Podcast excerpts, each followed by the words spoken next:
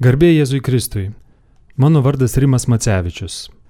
Lankytojams buvo atverti nauji Vilniaus arkikatedros bazilikos požemio maršrutai. Iki tol lankytojams atvira ekspozicija užėmė tik beveik daugiau nei trečdalį visų katedros požemių. Šioje laidoje kviečiu Jūs, mėly Marijos radio klausytojai, kartu su manimi leistis į radio ekskursiją po šiuos atvertus maršrutus - šiaurinę katedros požemių dalį. Uždaryti? Priverkit. Viską mums aprodys ir įdomiai nupasakos bažnytinio paveldo muziejaus atstovė, Vilniaus katedros požemių ir varpinės administratorių vadovė Alina Pavasarytė. Buvo katedros požemiai jau daug laiko, visi juos žinojo ir gal daugelis žmonių yra kaip surprizas, kad atsidarė dar kažkokie maršrutai. Tai jie yra rasti, ar jie tiesiog ilgai ruošti ir kiek dar yra tokių maršrutų, kurie gali būti vat, štaiga atidaryti ir naujai žmonės ten leidžiami. Mhm. Tai tas e, pavadinimas toks saliginis naujieji požemių maršrutai nereiškia, kad čia kažkas naujai pastatyta tikrai, ar ne? Ir nereiškia, kad mes apie juos nežinojame. Mes tikrai nesam pirmieji nei istorikai, nei, nei darbininkai, kurie čia atėjo. E, šiaip po visą katedrą esantis požemiai, jie stovėjo čia maždaug tiek, kiek stovėjo pati katedra. Reiškia, po centrinė dalimi, jeigu, katedra, jeigu šnekam apie Jogailos katedrą 14 amžių, jau po ta katedra yra laidojama, paskui 15 amžių katedra prasiplečia, tai ta vadinamoji Vytautinė katedra, po ją vėl statomos naujos kriptos ir paskutinės kriptos yra pastatomos su paskutiniu katedros perstatymu, tai yra Gucevičiaus laikais, tai yra 19 amžiaus pati pradžia.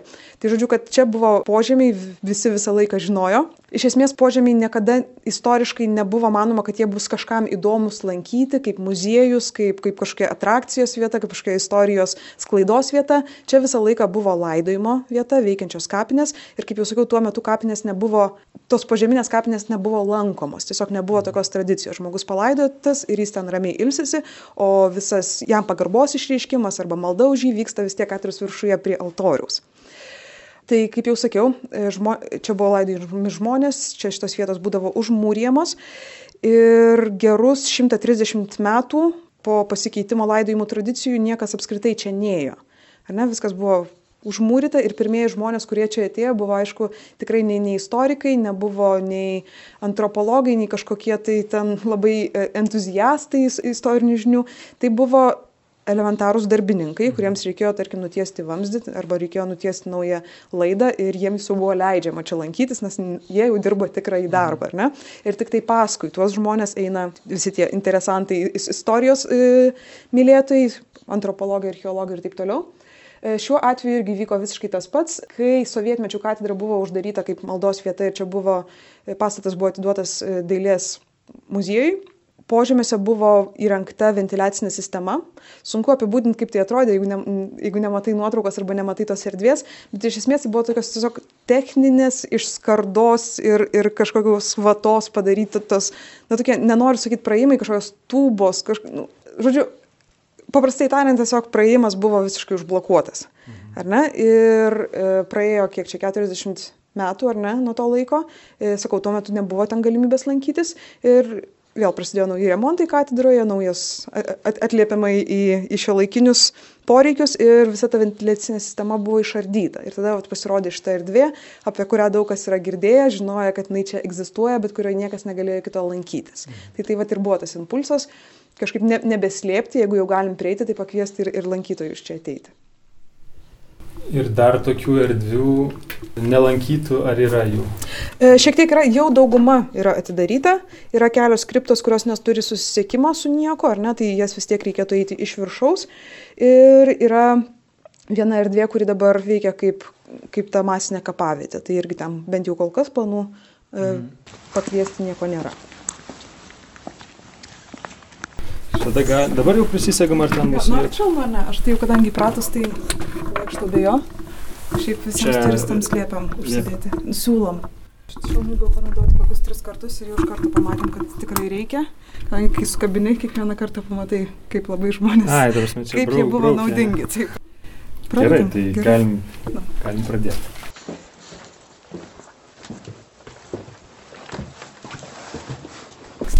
Parašyta informacijoje, kad yra labai siaurų tunelių ir, ir aukštų laiptų, kad reikia žmonės įvertintų, kas norės lankytis. Taip, reikėtų įvertinti, aišku, nenorim atkalbinėti, kad čia jau tikrai, tikrai negalite eiti ir tikrai nieko nepraisit.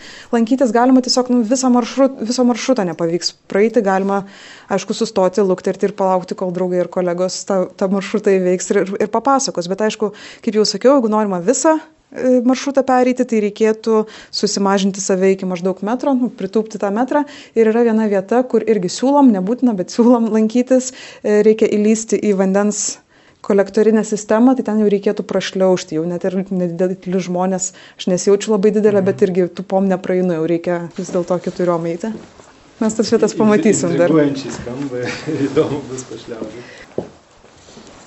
E, pradedam nuo vietos mažiau ekstremalios. E, istoriškai labai įdomi vieta, aišku, apsidairius, man atrodo, kažkokios taip senelio Rusijai arba fa fabriko Rusijos, ar ne, kažkaip nebe, nebėra išlikę tų materialių ženklų, kad čia yra katedra, kad čia yra laidojimas, kad čia yra kažkaip istoriškai labai svarbu.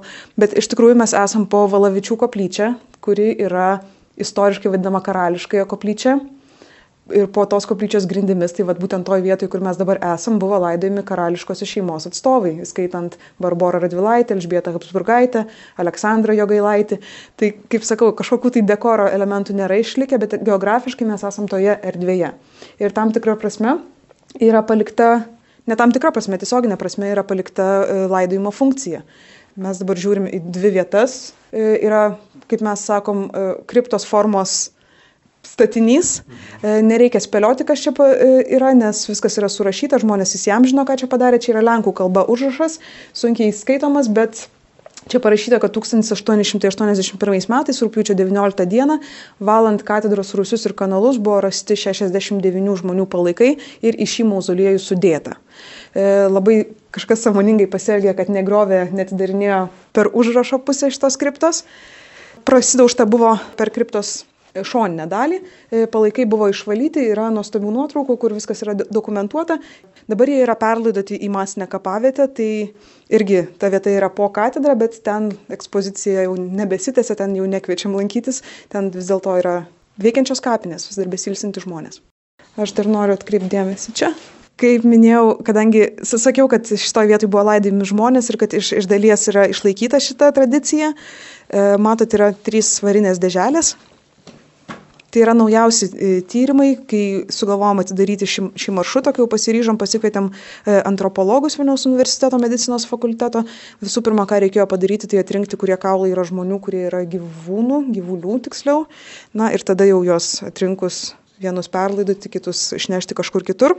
Čia buvo Ir gyvūnai labai. Taip, mane labai, mane taip nustebino, kad aš, aš net nesitikėjau, mes kai pirmą kartą čia atėjome, aš tiesiog pamačiau daug kaulų ir man iš, iš karto impulsas buvo, kad oi, tvarkom dedamės, man sakė, pala, pala, tai pirmiausia reikia atsirinkti, kur žmogus, kur ne.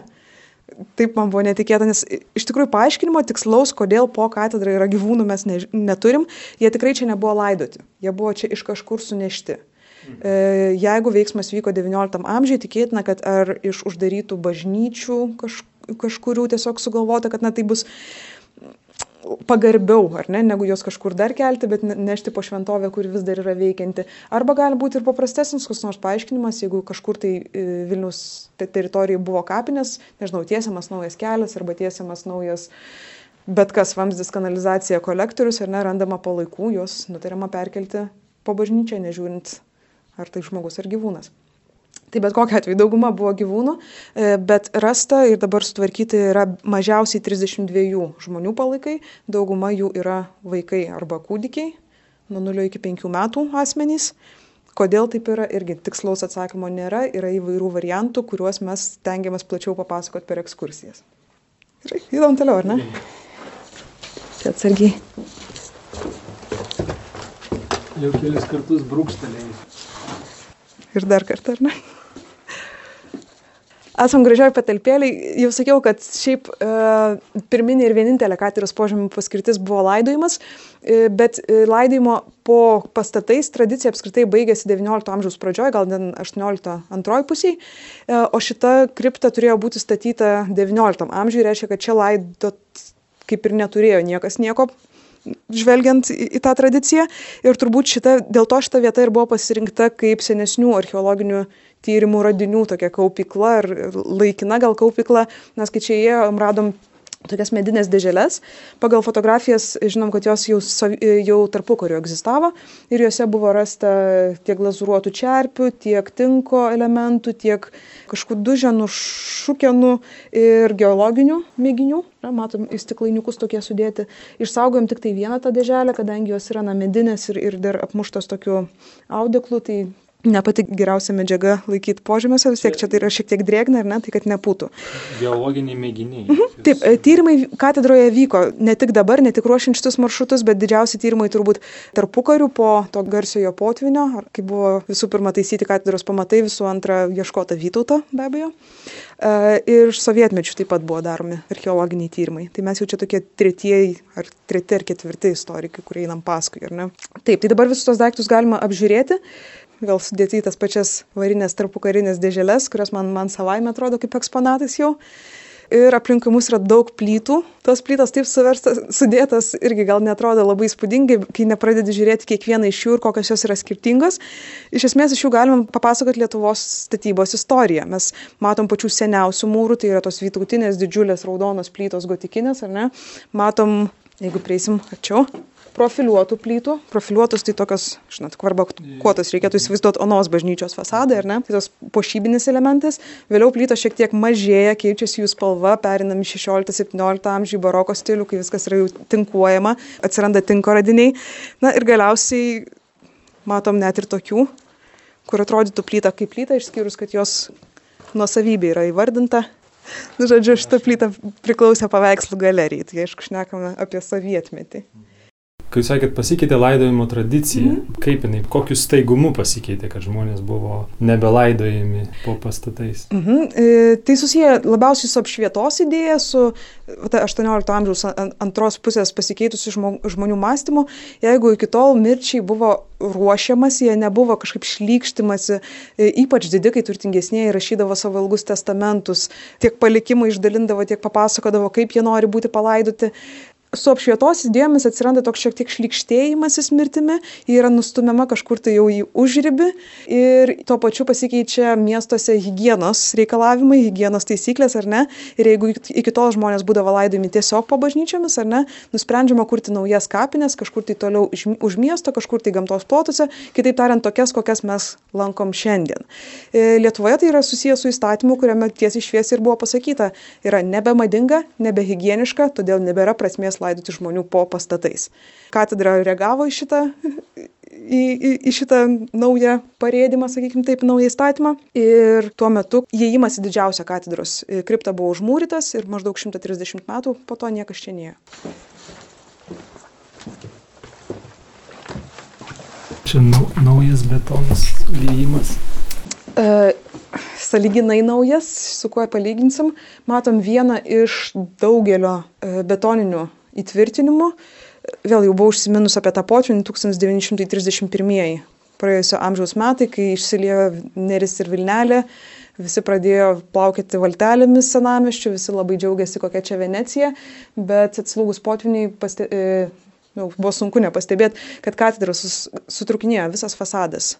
E, iš tikrųjų, katedrai buvo iškilus grėsmė visiškai sugriūti. Tuo metu, kadangi mes šnekam apie tarpukarį, Vilnius kraštas priklausė Lenkijai, iš geriausių Lenkijos mokslininkų buvo sudarytas komitetas, 30 žmonių. Jie nusprendė bandyti katedrą sutaisyti. Dalis to komiteto narių buvo archeologai. Aišku, jie nutarė pirmiausia prieš pradedant bet kokį remontą pasikasti po katedros grindimis ir pažiūrėti, kas likia iš senųjų pamatų. Senųjų pamatų poliai buvo mediniai, jie buvo visiškai, visiškai supuvę. Taigi nuspręsta, ryštasi lieti naujus modernius pamatus iš gelžbetonio, tiksliau polius iš gelžbetonio. Gelžbetinis tuo metu buvo dar tokia ganėtinai nauja, gana eksperimentinė medžiaga bet kokiu atveju, kaip jau sakiau, rizikuota.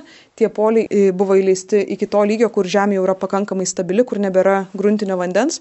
Vilniaus senamešio atveju tai yra nuo 10 iki 15 metrų. Tam, kad tie poliai na, nesiskėstų ir, ir, ir stabiliai stovėtų, jie buvo sutvirtinti tokiais mediniais dar nežinau, blokais, pavadinkim juos taip. Iš viso tų polių gelžbetoninių aplink katedrą yra 279. Tai žodžiu, potviniui ir lenkmečiui, ir okupacijai, ir visiems kitiems šitiems blogiems dalykams, turim būti dėkingi už tai, kad katedra iki šiol stovi. Aš dar noriu atkreipdėmėsi čia. O čia mes dar matom tai, nuo ko viskas prasidėjo, bent jau man asmeniškai. Lauko akmenys. Lauko akmenys ir čia yra siena, kurią mes drąsiai identifikuojam kaip pirmosios Jogailos katedros vakarinė siena. Tai yra vienintelė vieta, kur mes ją galim pamatyti, kitur jau yra apstatyta e, naujesniais mūrais. Ir iš esmės, man atrodo, aš galiu klysti, bet man atrodo, kad tai yra siena, mūras, dėl kurio pykstas daugiausiai Lietuvos istorikų, aišku, tie, kurie nagrinėja tą, tą laikotarpį arba tą temą, tą krikščionybės ir iki krikščioniško paveldo tokį susidūrimą. Nes, sakau, ilgą laiką čia niekas neėjo, bet visi žinojo, kad čia yra kažkur ta siena kaip ir kad yra laiptai, laiptus mes dar toliau pamatysime. Ir kai tu neturi iš tikrųjų kažkokios tai materialios informacijos, į, į ką žiūrėti ir, ir, ir kaip tai interpretuoti, prasideda interpretacija iš rašytinių šaltinių. Rašytiniai šaltiniai iš to laikotarpio yra labai skurdus, labai tokie sporadiški ir dėl to skirtingų mokyklų istorikai skirtingai ir reaguoja tą informaciją. E, tie, kurie, na, sakykime, labiau domisi tuo, sakau, iki krikščioniškų pavaldų, kuriems tai atrodo labai svarbu, labai didinga ir, ir na, iš ten semėsi kažkokio tai įkvėpimo tautos istorijai, jie mato arba galvoja apie šitą pavaldą vienaip. Ar ne? Jie sako, kad čia yra tikrai pagoniškas mūras, čia buvusi kažkokia tai e, perkūno šventikla, ir panašiai, ar ne? Kiti tos, sakykime, labiau katalikiškos gal mokyklos atstovai, ar, ar kaip ją pavadinti, sako, kad, na, ne, negalėjo čia būti jokios pagoniškos šventyklos, kad greičiausiai čia buvo e, jau vakarų architektūros išmoktas pastatas, ar ne, kad galbūt čia galėjo būti kažkokia pirma bažnyčia, kurie buvo dar prieš jo gailos katedrą, ar ne, tai tarkim, pranciškonai, ne, pranciškonai jau gyveno iki Lietuvos krikšto Vilniuje. Kiti sakykime, nusaikesni arba nelinkę ginčytis, sako, kad na tiesiog mes nieko nežinom apie šitą sieną, faktas, kad jinai yra labai sena, bet tiesiog vadinkim jam taip, kaip vadinam, tai yra net, net pažintos paskirties kvadratinio perimetro pastatas, ar ne? Tai vad mes matom tokį nediduką fragmentą tik tai to, e, to mūro, bet iš esmės tai yra na, visų tokių istorinių interpretacijų, ginčių, pykčių, kartais na, bent jau diskusijų šaltinis. Tai čia atsargiai mes privalom suktis atgal, mes praeisim tada pro tą seną maršrutą truputuką.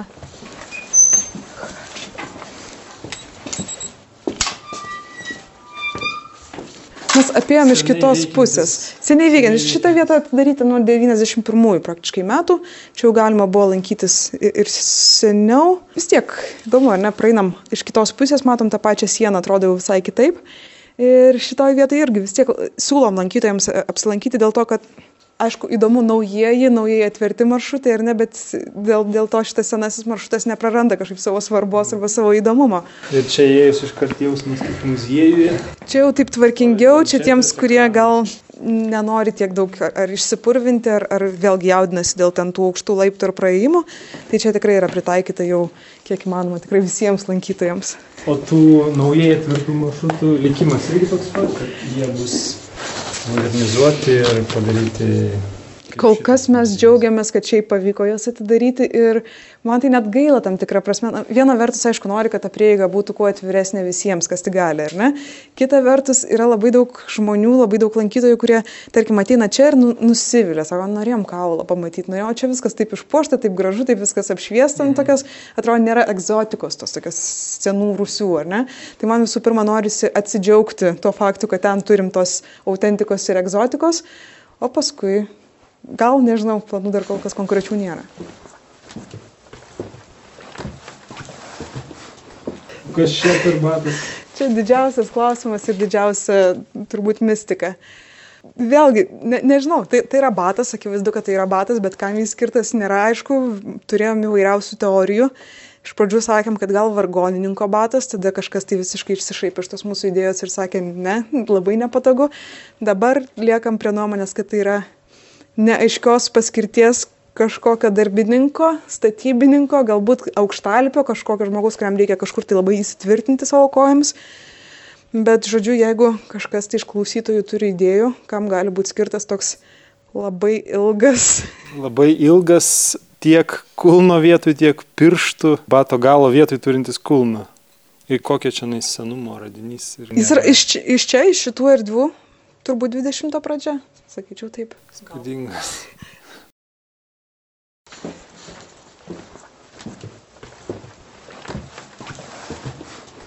Man labai patinka šitoje vietoje stovėti, nes vieną pusę žiūri, atrodo visiškai senovė, autentika, mūrai, kriptos ir taip toliau. Žiūri į šitą pusę, atrodo visiškai normalus na, rusys, ar tai būtų fabriko daugiabučio, ar nu, tiesiog normalus rusys. Ir mane pačią nustebino, kai čia atėjau kažkodėl, bet kai pagalvoju, tai nu, visiškai yra natūralu. Katedra kaip pastatas nėra tik tai kažkoks tai ten, žodžiu, kažkoks tai pastatas, kuris e, išsilaiko dėl to, kad, kad ten yra melžiamas, ar ne, jam reikia tų pačių komunikacijų, tos pačios santechnikos, tų pačių laidų, apšvietimų ir taip toliau, ar ne? Tai faktas, kad jie kažkur tai turi pasidėti. Ir šitoj vietoj jie išvedžioti.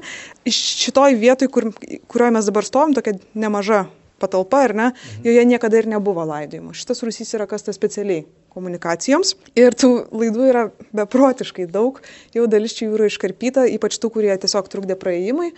Panašu, kad kiekvienas čia atėjęs meistras, nesvarbu kokiu tikslu, na nu, aišku, kažką jam reikėjo sutaisyti, kažką tai įdėkti naują, jisai nežiūrėjo, ką iki tol padarė yra žmonės, nežiūrėjo jokius planus, gal tų planų ir nebuvo, tiesiog panašu, kad kiekvienas ateidamas tiesia savo laidą, savo vamzdį, savo bet ką kitą, ne, ir dėl to jų yra tiek daug. Tai sakau, dalį pavyko tų neveikiančių panaikinti, dar labai labai didelė e, dalis liko ir paskui darbininkus jau eina tie, tie mokslininkai, tie humanitarai mokslininkai, ir ne, jie tiesiog neprasme atveria kelią.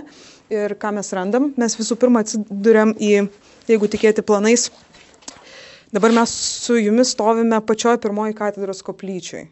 Sunkiai tikėtina, ar ne, bet matom mūras į vieną pusę išlendantis, mūras per kitą pusę sugrįžtantis, už mūsų yra Vytauto katedros mūrai, tai čia reiškia jau yra pastatėlis na, išeinantis iš katedros perimetro, ar ne, priestatas, kitaip tariant, tai greičiausiai yra pati pirma koplyčia. Pati seniausia koplyčia, taip reikėtų sakyti. Einant tolin, matome laiptus, Tai kaip jau stovėdama prie jo gailo sienos e, užsiminiau, tai va ta siena, tie mūrai ir šitie laiptai yra tokie daugiausiai istorinių diskusijų sukeliantis, e, nes na, yra nemaža grupė istorikų, kurie e, palaiko labai tą, tą mintį, palaiko idėją, e, kad dar prieš Lietuvos krikštą čia buvo pagoniška šventikla, ar ne, ir jie va šituos laiptus identifikuoja kaip kaip tos pirmosios šventyklos mūrus. Aišku, tam jokių rimtų šaltinių, rimtų įrodymų nėra. Tai galėjo būti laiptai į tą pačią pirmąją pranciškonų galbūt bažnyčią ar, ar į kitos paskirties pastatą, kadangi mes nežinom, kas čia buvo prieš katedrą. Taigi vėl ekskursijų metu plačiau papasakojam apie tas visokias teorijas. Čia yra kripta. Vienam asmeniui skirta, pagal aukštį yra 17 amžiaus ir šita kripta vis dar yra pilna. Pilna kaulų. Taip, pritupkite. Tamsu, ar ne? Šviesiu šiek tiek. Matot, ką nors? Ten yra sutrunijus kažkokia mediena. Ir kas galėtų būti sutrunijus mediena šitame kontekste? Nejaugi karstas taip, taip ilgai išsilaikytų, nes čia, nu, dar, dar matosi karsto forma. Taip. Nesupūga. Tai uh, visų pirma, kodėl nejudinom, dėl to, kad mato, čia yra nubirėję toks, nubirėjęs sluoksnis, ar ne, tai nėra šiaip paprastas dulkės. Įprastai tam, kad palaikai, na visų pirma, neskleistų kvapo, visų antra, kad šiaip šiek tiek geresnės e, būklės išliktų, e, jie būdavo užpilami negesintų kalkių ir pelenų mišiniu. Kuris šiek tiek, na, užkonservuodavo tam tikrą prasme, aš gal netiksliai tuos terminus naudoju, bet, na, esmė, kad šiek tiek apsaugodavo nuo, nuo gedimo, ar ne? Tai panašu, kad e, kripta, šita kripta irgi yra pilna to mišinio, šiek tiek nubirėjęs sluoksnis, visų pirma, šiek tiek mūrai nubirėjo, ar ne, ir, ir pats tas sluoksnis, bet labai labai tikėtina, kad virš karsto jis dar yra susispaudęs, ar ne? Ir dėl to, jeigu taip paprastuoju būdu pradėsi imti ir, ir čiupinti tą, tą karstą, tikėtina, kad na, oro sroviai pasigavus viskas gali nu, sugrūti ir, ir, ir ne, ne kripta pati, bet visas tas mišinys esantis viduje, ar ne? Taip, tai kol kas paliekam taip, nejudinant, per daug vėlgi nereklamuojam. Taip rasta? Taip, mes šitaip radom, taip. Ir specialiai tada darėm tuos vat praėjimus, ant kurių mes dabar stovim čia nauji, mhm. tam, kad galėtume nieko negadindami, kuo, kuo geriau apžiūrėti. Įeinam į dar vieną erdvę skirtą laidojimui. Man toks netikėtumas buvo taip atrasti, kad, kad čia kadaise buvo durys kas vėlgi užduoda daugiau klausimų negu atsakymų. Panašu, kad jeigu čia buvo laidojimo erdvė, žmonės, kurie užsakinėjo šitas skriptas, pasiliko galimybę jas lankyti. Nu, panašu, kad čia buvo tokios nu, gana galingos, gana, gana tvirtos durys, ar ne? Tai žodžiu, kad, kad buvo galimybė čia, čia lankyti galbūt mirusiuosius. Keista, dar kol kas neradau nei pati atsakymo, nei niekas nepasufleravo, kodėl tai buvo, kodėl tai buvo daroma. Bet faktas, faktas yra, kad du, du, durų būtų ir kad čia galima buvo lankytis tais dar nemoderniais laikais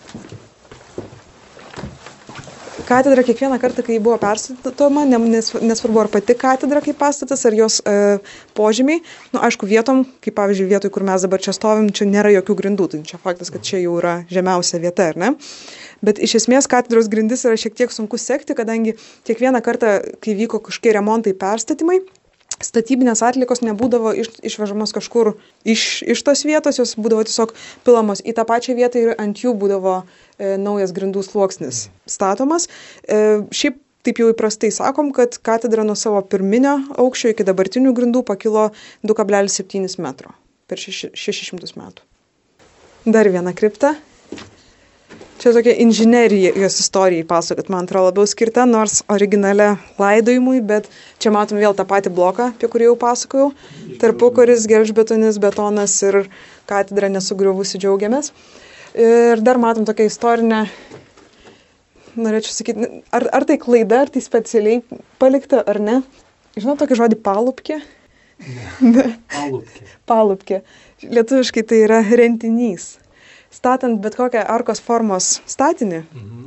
nuo seniausių laikų, na, ar, arka žinoma, kad yra iki, iki modernių statybų tai yra nu, pats, pati stipriausia struktūra, kokia tai gali būti, bet jinai pati stipriausia tam patik tada, kai įdedi paskutinę plytą, ar ne? Mhm. Iki tol tai yra visiškai nestabilu ir tam, kad įmanomas būtų tokios statybos, iš pradžių iš medienos yra pastatomas karkasas, ar ne, jis yra suramstomas ten įvairi, įvairiausiais būdais, tada jau uždedama ta paskutinė plyta ir tas karkasas nuimamas ir jau žiūrima, kas įvyks. Ir čia nežinia, kas įvyko, ar čia kryptelėjo kažkas, ar, ar, o gal specialiai visiškai neaišku, bet, žodžiu, pas, pasilikęs yra tas rentinys, ar ne? Iš ko mes žinom, kad tai yra tai, na visų pirma forma, ar ne, bet atitinka tai, kas daryta vėliau, ar ne, paskui, na, tinkas lietas ant to rentinio, ar ne, tai matom, kad atsikartoja ta pati forma kalba eina apie tarpukarį. Jau pats galas. Jau pats galas, išskyrus, kad... Ha. O, bus galimybė. Bus ropot. Tai vėl, kaip sakiau, lankytojams siūlom visiems be, be išimties, neverčiam, bet dar nebuvo, kad kažkas būtų sakęs, nenoriu, negaliu, nelysiu.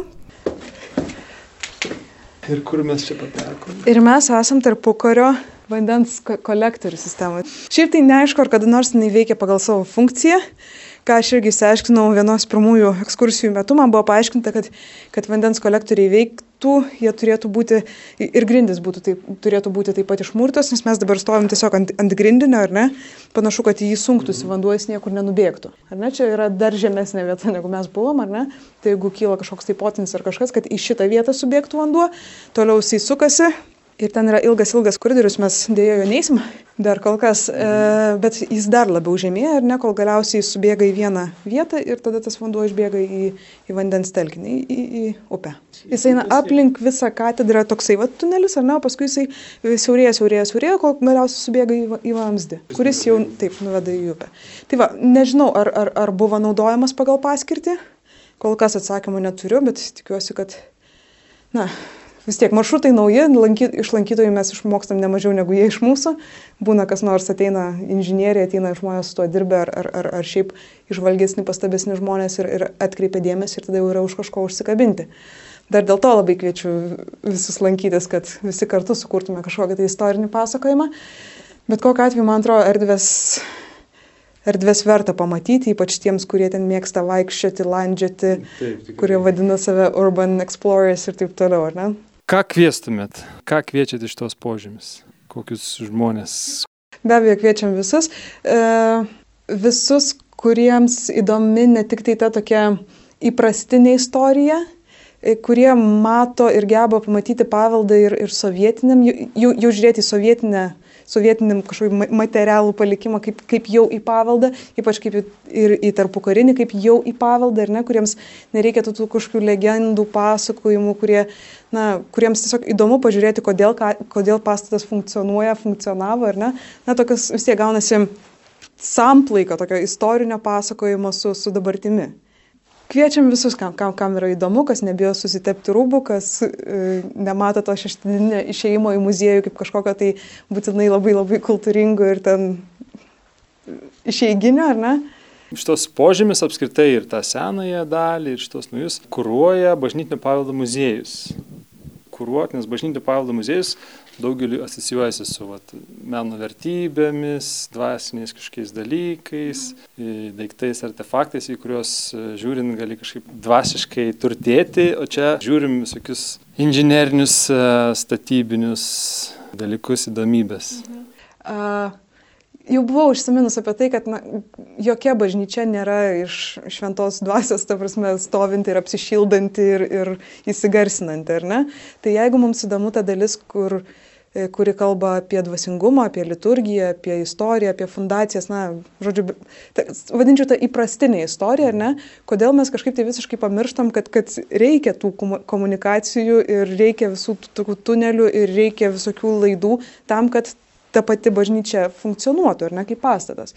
Tai pasimam vienus dalykus, kurie mums yra gražūs, nes švyti ir kažkaip tai įkvepia, ar ne, bet tada e, visą kitą nežiūrim kaip į paveldą.